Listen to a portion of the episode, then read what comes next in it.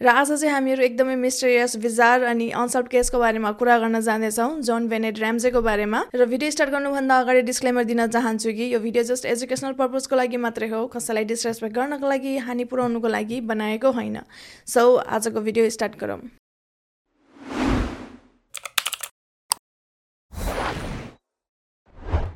John Bennett Patricia ऱ्याम्जेको जन्म nineteen नाइन्टीको सिक्स अगस्तमा युएसको एटलान्टा जर्जिया भन्ने ठाउँमा भएको थियो र उनको नाम चाहिँ उनको बुवा जोन बेनेट ऱ्याम्जे र उनकी आमा पेट्रिसिया ऱ्याम्जेको नाम मिसाएर चाहिँ जोन बेनेट पेट्रिसिया ऱ्याम्जे राखिएको थियो र जोन बेनेटको सिब्लिङहरूको बारेमा भन्नुपर्दाखेरि चाहिँ उनको बुवाको पहिलो श्रीमतीबाट तिनवटा बच्चाहरू थिए एउटा छोरा र दुईटी छोरीहरू र ती दुईटी छोरीहरूमध्येमा पनि सबैभन्दा कान्छीको चाहिँ नाइन्टिन नाइन्टी टूमा उनी बाइस वर्षकी हुँदाखेरि चाहिँ कार एक्सिडेन्टमा डेथ भएको थियो र उनकी आफ्नै आमा पेट्रिसियाबाट चाहिँ दुईवटा बच्चाहरू भएको थियो। सबैभन्दा जेठो बुर्ग र त्यसपछि चाहिँ जोन बेनेट। जोन बेनेट सानैदेखि नै ब्युटी पेजेन्टहरूमा भाग लिने भएको कारणले पनि उनी एकदमै आउट गोइङ टाइपकी थिइन्। उनी कसैसँग पनि नडराइकन खुलेर सबैजनासँग मिलेर बोल्ने गर्थिन् र उनलाई चाहिँ अरूहरूले एटेन्सन दिएको एकदमै मन पनि पर्ने गर्थ्यो। र उनले छ वर्षको उमेरमा नै कति धेरै ब्युटी पेजेन्टको टाइटलहरू पनि जितेकी थिइन्। उनको बुवा John Ramsey successful multimillionaire businessman थिए। उनी एक्सेस ग्राफिकको प्रेसिडेन्ट थियो जुन चाहिँ कम्प्युटर सिस्टम कम्पनी थियो। र नाइन्टिन नाइन्टी सिक्समा चाहिँ बोल्डर च्याम्बर अफ कमर्सले जोन ऱ्याम्जेलाई इन्टरप्रेन्यर अफ द इयर पनि बनाएको थियो। जोन ऱ्याम्जेले आफ्नै पहिलो श्रीमतीलाई नाइन्टिन सेभेन्टी एटमा डिभोर्स दिएका थिए।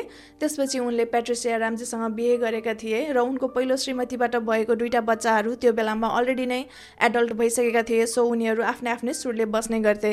र पेट्रिसिया ऱ्याम्जेको बारेमा कुरा गर्नु पर्दाखेरि चाहिँ उनी फर्मर ब्युटी क्विन थिइन्। नाइन्टिन सेभेन्टी सेभेनमा उनले मिस वेस्ट भर्जिनियाको टाइटल पनि जितेकी थिइन्। पेट्रिसियाकी आमा पनि ब्युटी पेजेन्टहरूमा चाहिँ एकदमै इन्भल्भ हुने गर्थिन्। सायद उनीहरूकै इन्फ्लुएन्स चाहिँ जोन भेनेटमा पनि परेको हुनसक्छ। सो ओभरअलमा भन्नुपर्दाखेरि चाहिँ उनीहरू एकदमै लग्जरियस घरमा लग्जरियस लाइफ बिताइरहेका थिए। ब्युटी पेजेन्ट बाहेक जोन भेनेटलाई अरू के के मन पर्थ्यो उनको हबी इन्ट्रेस्ट के के थियो भनेर कतै मेन्सन गरेको चाहिँ मैले पाइनँ। नाइन्टिन नाइन्टी सिक्सको ट्वेन्टी फिफ्थ डिसेम्बरमा ऱ्याम्जे फ्यामिली आफ्नो एकदमै मिल्ने साथीको घरमा क्रिसमस डिनर गरेर घर फर्केका थिए र घर पुगिन्जेलसम्म चाहिँ जोन भेनेट अलरेडी नै गाडीमा सुतिसकेकी थिइन्। सो त्यही भएर उनको बुवा जोनले चाहिँ उनलाई बोकेर उनको बेडरुमसम्म लगेका थिए र त्यसपछि चाहिँ आमा प्याट्रिसियाले उनको ड्रेसहरू चेन्ज गरेर चाहिँ उनलाई बेडमा सुताएकी थिइन्। र भोलिपल्ट ट्वेन्टी सिक्स डिसेम्बरमा प्याट्रिसिया बिहानै उठेर किचनमा जाने बेलामा चाहिँ उनीहरूको किचनसम्म जाने त्यो स्पाइरल भर्याङमा चाहिँ उनले केही केही नोटहरू र त्यो नोटहरूमा चाहिँ के लेखिएको थियो भने उनीहरूको छोरी जोन बेनेटलाई चाहिँ किडन्याप गरिएको छ भनेर। र उनले त्यो नोटको केही लाइन पढेर आफ्नो छोरी किडन्याप भएको भनेर थाहा पाउने बित्तिकै नै उनी आफ्नो छोरी जोन बेनेटको रुममा गइन् अनि रुममा खोज्न थालिन् छोरीलाई तर छोरी त्यहाँ थिएनन्। त्यसपछि उनी आफ्नो बेडरुममा गइन् उनले त्यो लेटर आफ्नो श्रीमानलाई पढ्नुको लागि भनेर दिइन्। अनि यस्तै बिहानको पाँच बाहन्नमा उनले नाइन वान वान डायल गरेर चाहिँ पुलिसलाई इन्फर्म गरिन् र साथसाथै चाहिँ उनले आफ्नो फ्यामिली र फ्रेन्ड्सलाई पनि कल गरेर इन्फर्म गरिन् र फोन गरेको तिन मिनटमा नै पुलिसहरू त्यहाँ आइपुगे अनि त्यसपछि फ्यामिलीलाई सोधपुछ गर्न थाले र किडन्यापरहरूले त्यो लेखेको नोट चाहिँ दुई पेज आदि थियो जुन चाहिँ पुलिसहरूलाई पनि एकदमै अनयुजल लागिरहेको थियो। किनभने प्रायः जस्तो किडन्यापरले चाहिँ नोटहरू एकदमै छोटो अनि एकदमै जे चाहेको छ त्यही मात्रै लेख्ने गर्छन्। तर त्यो चाहिँ एकदमै लामो थियो अनि कुनै मुभीको डायलगहरू जसरी नै थियो। र किडन्यापरहरूले त्यो नोटमा चाहिँ फिरौतीमा एक लाख अठार हजार अमेरिकन डलरको माग गरेका थिए। र जोन राम्जेले पनि आफ्नो क्रिसमस बोनसमा ठ्याक्कै एक लाख अठार हजार नै पाएका थिए। र फेरि यो बोनसको कुरा चाहिँ उनको फ्यामिली र उनको अफिसको स्टाफहरूलाई मात्रै थाहा थियो अरू कसैलाई पनि थाहा थिएन। किडन्यापरले चाहिँ त्यो नोटमा यदि केही गरेर उनीहरूले पुलिस या फिर एफबिआईलाई कन्ट्याक्ट गर्ने ट्राई गर्यो भने जोन बेनेटलाई मारिदिन्छु भनेर लेखेका थिए र साथसाथै भोलि बिहान आठ बजीदेखि दस बजेभित्र चाहिँ उनीहरूलाई कल गरेर के के गर्नुपर्ने बाँकीको इन्स्ट्रक्सन दिन्छु भनेर लेखेका थिए। तर दस बजिसक्दासम्म पनि उताबाट केही पनि फोन कलहरू आएको थिएन। र ऱ्याम्जेको घरमा चाहिँ पुलिस मात्रै नभएर उनीहरूको छिमेकी साथी रिलेटिभहरू चाहिँ त्यहाँ आएका थिए र उनीहरूले जतापाइ त्यतै छुइरहेका थिए र किचनको ठ्याक्कै डस्टबिनमा चाहिँ एउटा कागज भेटिएको थियो र त्यो कागज चाहिँ अब किडन्यापरले लेखेर केही मिस्टेक भएर कचाकुचुक गरेर फ्यालेर अनि उनले फेरि रिस्टार्ट गरेर त्यो नोट लेखिएको थियो र त्यो कुराबाट पुलिसले के पनि अनुमान लागेका थिए भने किडन्यापरले किचनमा नै बसेर नै त्यो नोट लेखिएको थियो भनेर। र किडन्यापरले जुन नोट लेख्नलाई युज गरिएको नोट प्याड र पेन थियो त्यो चाहिँ किचनमा नै भएको नोट प्याड र पेन थियो। र किडन्यापरले चाहिँ जुन ठाउँबाट त्यो नोट प्याड र पेन निकालिएको थियो उनीहरूले पछि लेटर लेखिसकेपछि चाहिँ त्यो नोट प्याड र त्यो पेन जहाँ थियो त्यही नै राखेका थिए। र कोही कोही फ्यामिली मेम्बरहरूले चाहिँ अब पुरै किचनहरू सफा गरिरहेका थिए जानी नजानी एभिडेन्सहरू मेटाइरहेका थिए। र त्यहाँ उपस्थित भएका जति पनि थियो उनीहरूले त्यो किडन्यापरले लेखिएको नोट पढ्ने अनि फेरि अर्कोलाई पास गर्ने फेरि अर्कोलाई पढ्ने फेरि अर्कोलाई पास गर्ने गरेर त्यो पेपरभरि पनि त्यो नोटभरि पनि सबैजनाको फिङ्गर प्रिन्टहरू चाहिँ बसेको थियो। जुन कारणले पछि डिटेक्टिभहरूलाई पनि एकदमै गाह्रो भएको थियो यो केसको बारेमा छानबिन गर्नलाई। र बिहानको यस्तै एघार बजेतिर चाहिँ पुलिसले जोन राम्जे र जोन राम्जेको साथी फ्लिट वाइटलाई चाहिँ अब घरमा केही अनयुजल कुराहरू भएको छ कि केही कुराहरू मिसिङ भएको छ कि एकचोटि राम्रोसँग चेक गर्नु भनेर भनेका थिए जुन चाहिँ पुलिसहरूको यो केसमा एकदमै ठुलो मिस्टेक थियो। देन जोन राम्जे र फ्लिट वाइट घर चाहिँ गर्नुको लागि भनेर गए र जोन राम्जेले आफ्नो घरको तल बेसमेन्टमा चाहिँ आफ्नी छोरी जोन बेनेटको लास भेटाए। र जोन बेनेटको लास चाहिँ कस्तो हालतमा थियो भने उनको मुखमा चाहिँ डक टेपले बानिएको थियो र उनको यो दुईवटा हातहरू चाहिँ उनको टाउको माथि बानिएको थियो र उनको घाँटीमा र यो हात बान्नुमा चाहिँ एउटा नाइलनको डोरी प्रयोग गरिएको थियो। र त्यो डोरी बान्नलाई चाहिँ एउटा लट्ठी प्रयोग गरिएको थियो जुन लट्ठी चाहिँ उनीहरूकै घरकै पेन्ट ब्रस थियो। र जोन बेनेटको बडीमाथि चाहिँ उनको फेभरेट ब्ल्याङ्केटले छोपिदिएको थियो र त्यो ब्ल्याङ्केटभित्र चाहिँ उनको बार्बी नाइट गाउन राखिदिएको थियो। त्यसपछि जोन राम्जेले सबैभन्दा पहिला आफ्नै छोरीको मुखबाट टेप निकालिदिए अनि त्यसपछि एउटा ब्ल्याङ्केटले उनको बडीलाई छोपिदिए। देन उनी माथि जानुभन्दा अगाडि चाहिँ उनीहरूको बेसमेन्ट तल झ्याल थियो। त्यो झ्यालको ढोका चाहिँ अलिकति खुल्ला थियो। उनले त्यो झ्यालको ढोका बन्द गरे अनि त्यसपछि जोन बेनेटको बडीलाई लिएर उनी माथि गए। त्यसपछि क्रिसमस ट्रीको तल चाहिँ जोन बेनेटको बडीलाई उनले राखिदिए। त्यो बेसमेन्टको झ्यालको सिसा चाहिँ अलरेडी नै पहिलेदेखि नै फुटेको थियो अनि त्यो झ्यालको ठ्याक्कै तल चाहिँ एउटा सुटकेस पनि भेटिएको थियो जस्तै कोही मान्छे त्यो सुटकेसमा चढेर बाहिर जानु खोजेको जस्तो थियो। तर यो कुरा चाहिँ जोन ऱ्याम्जेले पुलिसलाई पछि मात्र भनेका थिए। र त्यो बेसमेन्टको झ्यालको साइडमा चाहिँ माकुराको जालो पनि थियो तर त्यो माकुराको जालोलाई चाहिँ कसैले पनि केही डिस्टर्ब गरेको थिएन। र झ्यालमा भएको धुलोहरू पनि जस्ताको त्यस्तै नै थियो लाइक कति समयदेखि चाहिँ त्यो झ्यालमा कसैले पनि केही छुको या फेरि त्यो झ्याललाई चलाएको जस्तो चाहिँ थिएन। र क्राइम सिन हेर्दाखेरि चाहिँ अब झ्यालबाट नै किडन्यापर या फिर मर्डरर त्यहाँबाट भागेको जस्तो देखिए तापनि पुलिसहरूले चाहिँ कन्फर्म गर्नु सकिरहेको थिएन कि त्यहाँबाट चाहिँ मान्छे आएको या फिर गएको भनेर। किनभने यदि कोही मान्छे त्यो झ्यालबाट जाने या फिर आउने गरेको भए त्यहाँनिर केही न केही त एभिडेन्सहरू छोड्नु पर्थ्यो या फिर त्यो माकुराको जालोलाई डिस्टर्ब गर्नु पर्थ्यो तर त्यस्तो केही पनि थिएन। र जोन भेनेटको बडी माथिसम्म ल्याइन्जेलसम्म जोन ऱ्याम्जेले कति धेरै एभिडेन्सहरू चाहिँ डिस्टर्ब गरिसकेका थिए। त्यसपछि पुलिसहरूले जोन बेनेटको बडीलाई हेरेर चाहिँ जोन बेनेटको फ्यामिलीलाई जोन बेनेटको बडीमा के के अनयुजल पायो भनेर सोद्धाखेरि जोन बेनेटकी आमा प्याट्रिसियाले चाहिँ मैले जोन बेनेटलाई सुत्नुभन्दा अगाडि अर्कै नाइट गाउन लगाएर सुताएकी थिएँ। उनको बार्बी नाइट गाउन लगाएर सुताएकी थिएँ। यो लुगा लगाएर चाहिँ सुताएकी थिएन भनेर उनले भनिन्। र यो कुराबाट चाहिँ पुलिसहरूले के अनुमान लगाए भने हतियाराले चाहिँ जोन बेनेटलाई मार्नुभन्दा अगाडि उनको ड्रेस चेन्ज गराएको थियो भनेर। र सुरुमा चाहिँ पुलिस एफबिआईहरूले यो किडन्यापिङको केस हो भनेर उनीहरूले खासै त्यस्तो राम्रोसँग घर चेक गरेको थिएन।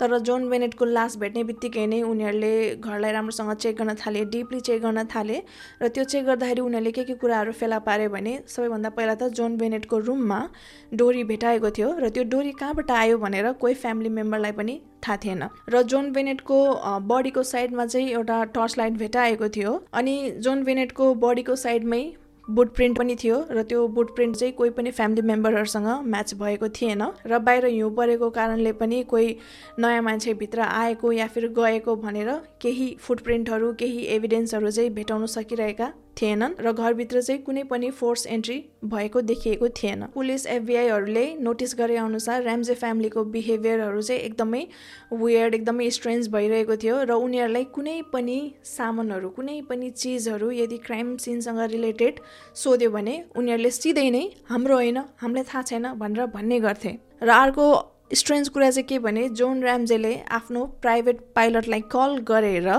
प्राइभेट प्लेनको एरेन्ज गरिएको थियो र उनको प्लान चाहिँ के थियो भने उनकी श्रीमती अनि उनको छोरा र ऊ भएर चाहिँ उनीहरू एटलान्टा जाने त्यो रातमा भनेर थियो। तर डिटेक्टिभले उनीहरूलाई सिधै नै यो सहर छोडेर उनीहरू कहीँ पनि जानु पाउँदैन भनेर भने। र पछि इन्टरभ्यूमा पनि जोन राम्जेलाई चाहिँ सोधिएको थियो कि तिमीले किन त्यसरी प्राइभेट प्लेनलाई कल गरेको भनेर। त्यो बेलामा चाहिँ जोन राम्जेले के भन्यो भने त्यहाँनिर पुलिसहरूले क्राइम सिन भनेर घरहरू सबै बन्द गराएको थियो। सबै फ्यामिली मेम्बरहरूलाई चाहिँ घर छोड्नुपर्ने भनेर भनेको थियो। त्यही भएर चाहिँ हामीहरू एटलान्टा जानु खोजेको थियो भनेर उनले भने तर जुन चाहिँ एकदमै वेयर्ड थियो वेयर्ड चाहिँ किनभने अब आफ्नो छोरीलाई त्यहाँ कसैले मर्डर गरेको छ अनि उनीहरू चाहिँ सहर छोडेर जाने सोचिरहेको छ एटलिस्ट आफ्नो छोरीको मर्डर पत्ता नलगाइन्जेलसम्म त त्यहाँ बस्नु पऱ्यो नि। त्यहाँनिर कसले मारेको रहेछ के रहेछ भनेर त पत्ता लगाउनु ट्राई गर्नु पऱ्यो नि त। त्यसरी सिधै सहर छोडेर जाने कुरा त भएन। अब उनीहरूले जे रिजन दिए पनि but it was very weird क्या? इट वाज भेरी स्ट्रेन्ज र यो केसमा किडन्यापिङलाई लिएर सबैभन्दा स्ट्रेन्ज कुरा चाहिँ अचम्मको कुरा चाहिँ के भने किडन्यापरले दुई पेज आधी लेटर लेखेको थियो र डिटेक्टिभले भनेअनुसार चाहिँ त्यो लेटर लेख्नलाई कम्तीमा पनि मान्छेलाई एक्काइस मिनट लाग्छ भनेर।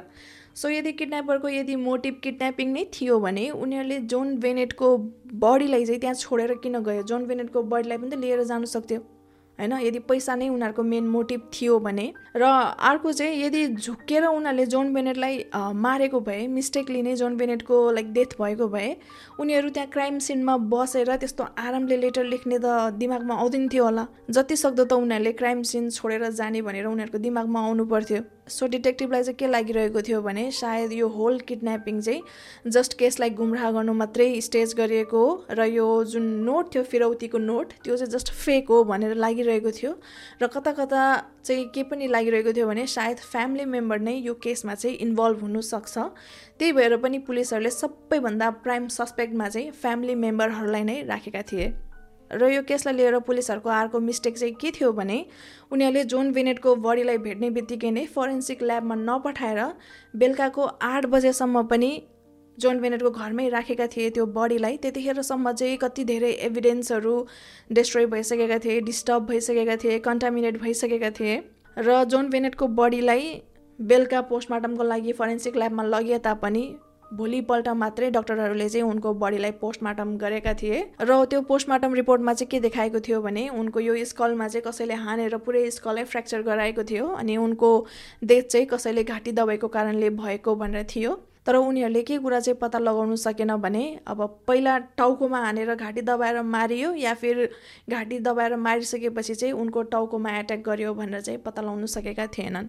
र अर्को जोन वेनरलाई रेप त गरेको थिएन तर उनको यो प्राइभेट पार्टमा चाहिँ पुरै घाउहरू थियो अनि उनको प्राइभेट पार्टमा चाहिँ एउटा कपडाले पुसेको जस्तो थियो र उनको अन्डरवेयरमा चाहिँ मिक्स ब्लड भेटिएको थियो अनि उनको अन्डरवेयरको वेस्ट ब्यान्डमा चाहिँ कसैको टच फिङ्गर प्रिन्ट भेटिएको थियो। र त्यो रिपोर्ट हेरिसकेपछि चाहिँ डक्टरहरूले के अनुमान लगाएका थिए भने सायद जोन बेनेटलाई चाहिँ मार्नुभन्दा अगाडि कसैले सेक्सुअली एसल्ट गरेको हुनसक्छ भनेर। र जोन बेनेटको जिउमा र अन्डरवेयरमा भेटिएको डिएनए चाहिँ वान पोइन्ट सिक्स मिलियन डिएनएसँग टेस्ट गर्दाखेरि पनि कुनै पनि डिएनएसँग चाहिँ म्याच भएको थिएन।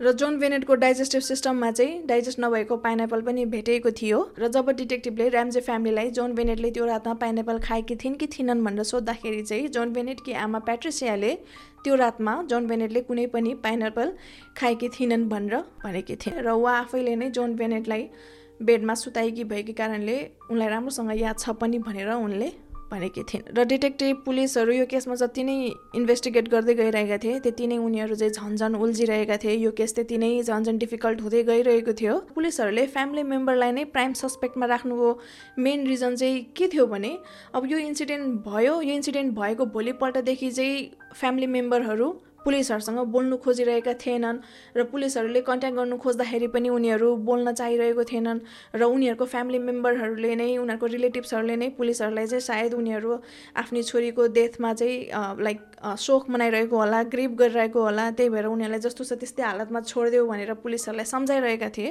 सो पुलिसहरूले पनि त्यस्तै सोचेर ऱ्याम्जे फ्यामिलीलाई चाहिँ डिस्टर्ब नगर्ने भनेर उनीहरू आफ्नै आफ्नै नै इन्भेस्टिगेसनहरू गरिरहेका थिए।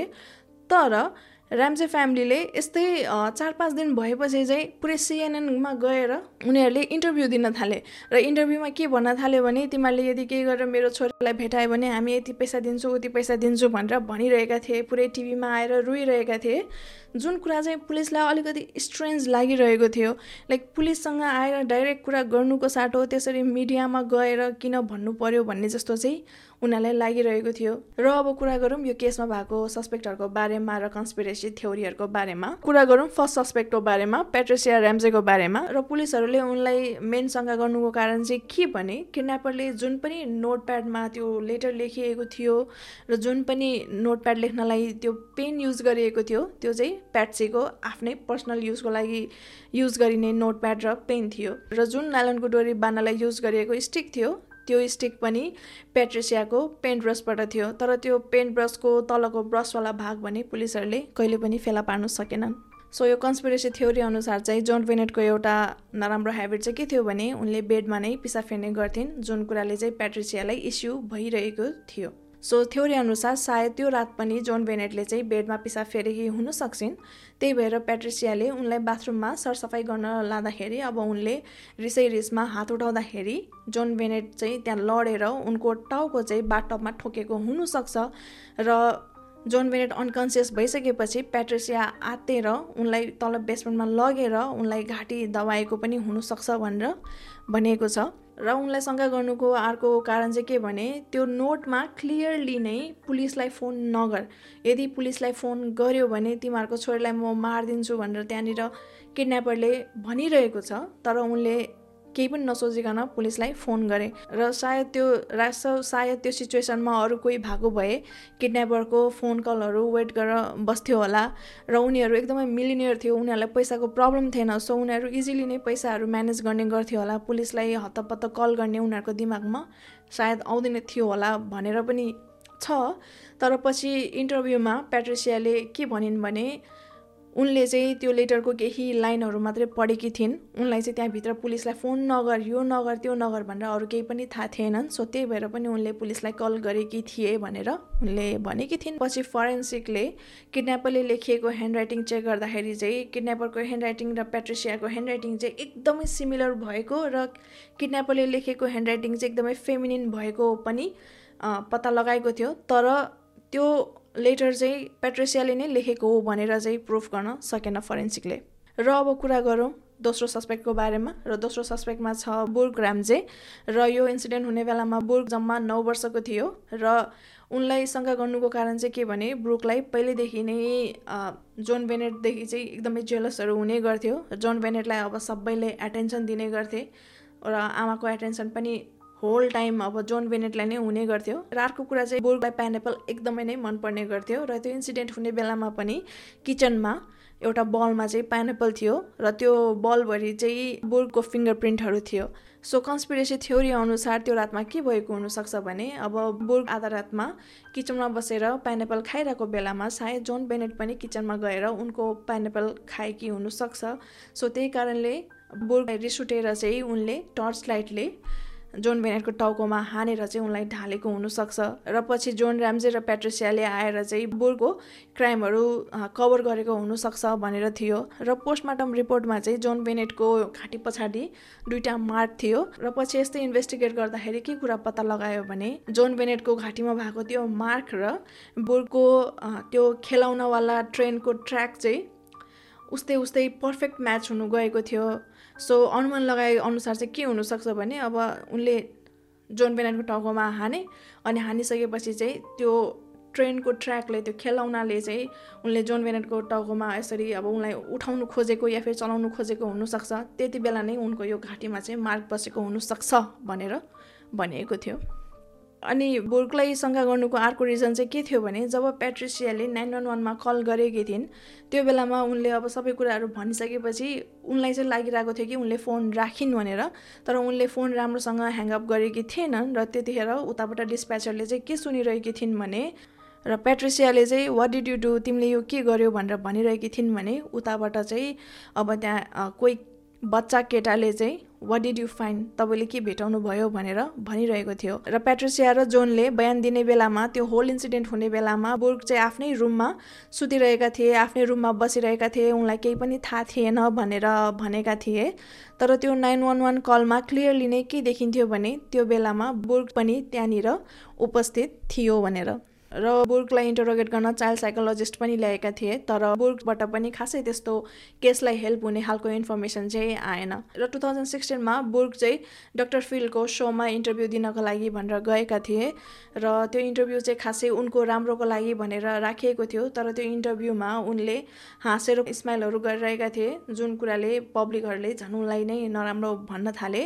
अब पब्लिकहरूले भने अनुसार चाहिँ आफ्नै बहिनीको देश हुँदाखेरि पनि यसरी हाँसेर बोलिरहेको छ स्माइल गरेर बोलेको छ। अलिकति पनि रिमोर्स छैन उसलाई लागिरहेको होला सायद यो मर्डरबाट चाहिँ छुटकारा पायो भनेर हाँसेको होला भनेर यस्तै यस्तै कमेन्ट गरेको थियो। र कोही कोहीले भने चाहिँ अब सायद ऊ नर्भस भएको कारणले अक्वर्ड भएको कारणले चाहिँ उनले त्यस्तो स्माइल दिएको हुनसक्छ। उनको यो होल इन्टरभ्यू हेर्दाखेरि चाहिँ उनी अक्वर्ड भएको नर्भस भएको देखिन्छ भनेर भनेका थिए। र तेस्रो सस्पेक्टमा छ जोन राम्जे। र जोन राम्जेलाई शङ्का गर्नुको कारण चाहिँ के भने जब पुलिसहरूले जोन राम्जे र फ्लिड वाइटलाई घरको राम्रोसँग चेक गर भन्दाखेरि जोन ऱ्याम्जे जोन बेनेटको रुममा गएर चेक गर्नुको साटो उनी सिधै बेसमेन्टमा गएका थिए र फ्लिट वाइटले भनेअनुसार जोन ऱ्याम्जेले बेसमेन्टको ढोका खोल्ने बित्तिकै नै बत्ती अन नगरिकन नै oh my God oh my God भनेर चाहिँ ऊ कराइरहेका थिए। र उनीहरूको बेसमेन्ट चाहिँ फेरि एकदमै अलिकति कन्फ्युजिङ अलिकति मेज पाराको छ अनि एकदमै अँध्यारो छ भनेर पनि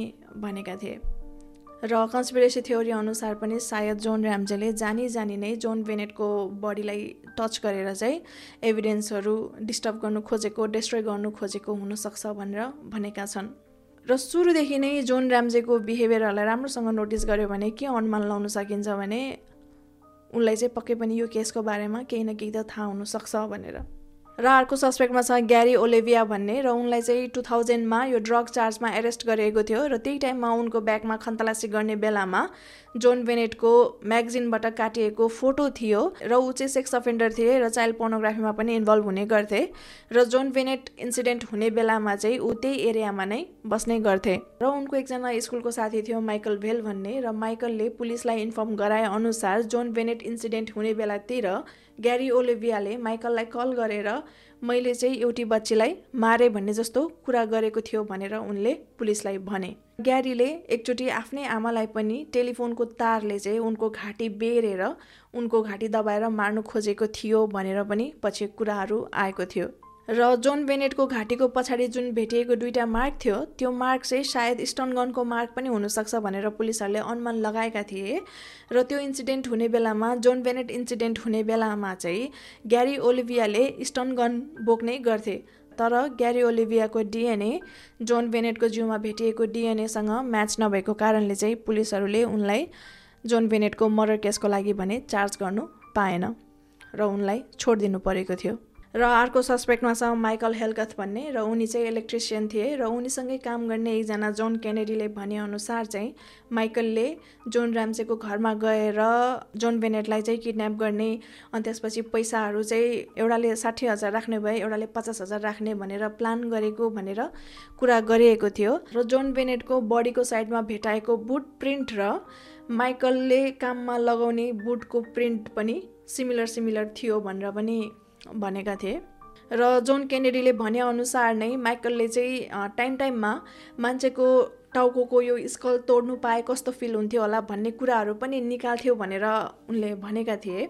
र जोन केनेडीले भनेअनुसार नै माइकलले चाहिँ एउटा टेप रेकर्डिङमा सबै कुराहरू कन्फेस गरिएको छ। र त्यो रेकर्डिङ चाहिँ अझै पनि माइकलको क्लोज फ्रेन्डहरूसँग चाहिँ हुनसक्छ अझै पनि हुनसक्छ भनेर भनेका थिए तर पुलिसहरूले कहिले पनि त्यो टेप रेकर्डिङ चाहिँ पत्ता लगाउनु सकेन। र र्युमरहरूको अनुसार चाहिँ जब एउटा प्रेस कन्फरेन्समा जोन भेनेटको केसमा अर्को सस्पेक्ट भेटायो भनेर घोषणा गर्ने बित्तिकै नै त्यो घोषणा गरेको दुई दिनपछि माइकलले आफूलाई गनसट गरेर चाहिँ सुसाइड गरेको भनेर भनिएको छ। तर पछि मैले फेरि विकिपिडियामा राम्रोसँग रिसर्च गर्दाखेरि चाहिँ त्यहाँनिर के लेखिएको थियो भने माइकलले चाहिँ एकदमै ड्रगहरू लिने गर्थ्यो। उनी चाहिँ डिप्रेसनमा भएको कारणले उनी ड्रग एडिक्ट भएको थियो र त्यो टाइममा उनको गर्लफ्रेन्डसँग चाहिँ ब्रेकअप भएको कारणले त्यो सबै कुराहरू सहनु नसकेर चाहिँ उनले भ्यालेन्टाइन डेको दिनमा सुसाइड गरिएको भनेर लेखिएको छ। अब उनको सुसाइड गर्नुको पछाडिको मेन रिजन चाहिँ के हो? त्यो चाहिँ माइकल हेलकतलाई नै थाहा होला। र अब अर्को सस्पेक्टको कुरा गरौँ जोन मार्क कारको बारेमा। र उनी चाहिँ स्कुल टिचर थिए। र उनले चाहिँ युनिभर्सिटी अफ कोलोराडो जर्नलिजमको माइकल ट्रेसीलाई मेल गरेर उनले कन्फेस गरेका थिए कि मैले नै जोन बेनेटलाई मारेको हुँ भनेर।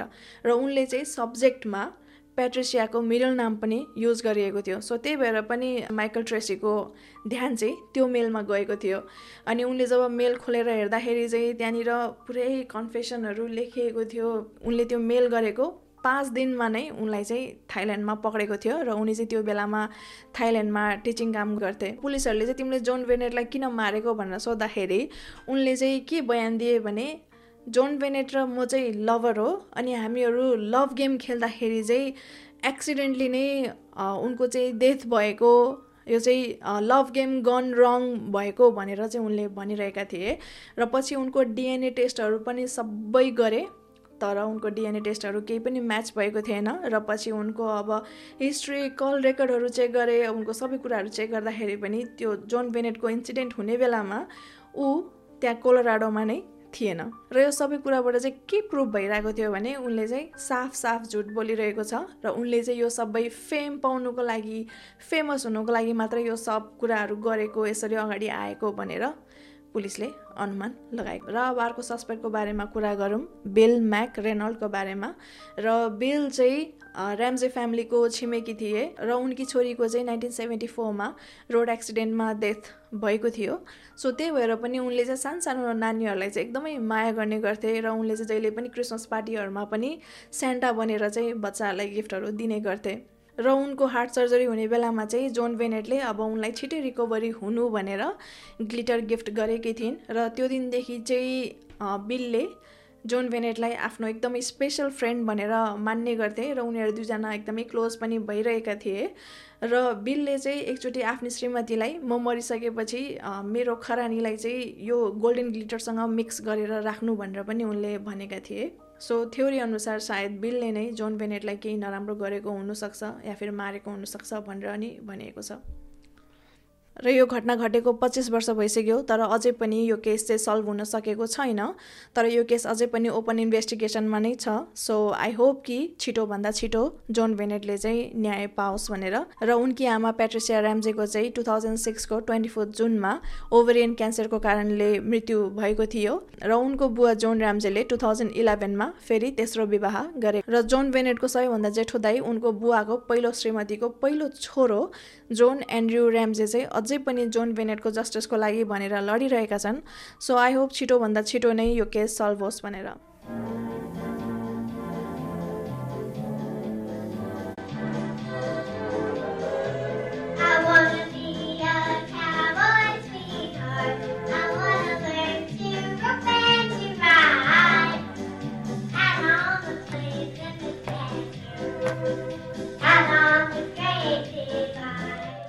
आजको लागि यति नै। आई होप तपाईँहरूलाई आजको भिडियो राम्रो लाग्यो होला भनेर राम्रो लाग्यो भने प्लिज लाइक गर्नु नबिर्सिनु होला र यस्तै क्राइम स्टोरीहरू सुन्न इन्ट्रेस्टिङ लाग्छ भने सब्सक्राइब पनि गरिदिनु होला र पुरा भिडियो हेरिदिनु भएको भए त्यसको लागि धेरै धेरै धन्यवाद। र यो केसलाई लिएर आफ्नो के ओपिनियन छ प्लिज कमेन्ट गरिदिनु होला। र यदि तपाईँहरूले पनि यो केसलाई लिएर अरू केही थ्योरीहरू सुनेको छ र आफ्नो केही ओपिनियन छ भने पनि झिझक नमानिकन तल कमेन्ट गरिदिनु होला। र तपाईँहरूलाई कुनै पनि स्टोरी सजेस्ट गर्नु मन छ भने तपाईँहरूले मेरो इन्स्टाग्राम फेसबुक रेडिटमा मेसेज गर्नु सक्नुहुनेछ र मेरो सोसियल मिडियाको लिङ्क चाहिँ तल डिस्क्रिप्सन बक्समा हुनेछ। सो आजको लागि यति नै। अर्को भिडियो लिएर अर्को हप्ता आउनेछु। त्यतिन्जेलसम्मको लागि please stay safe take care and Bye bye.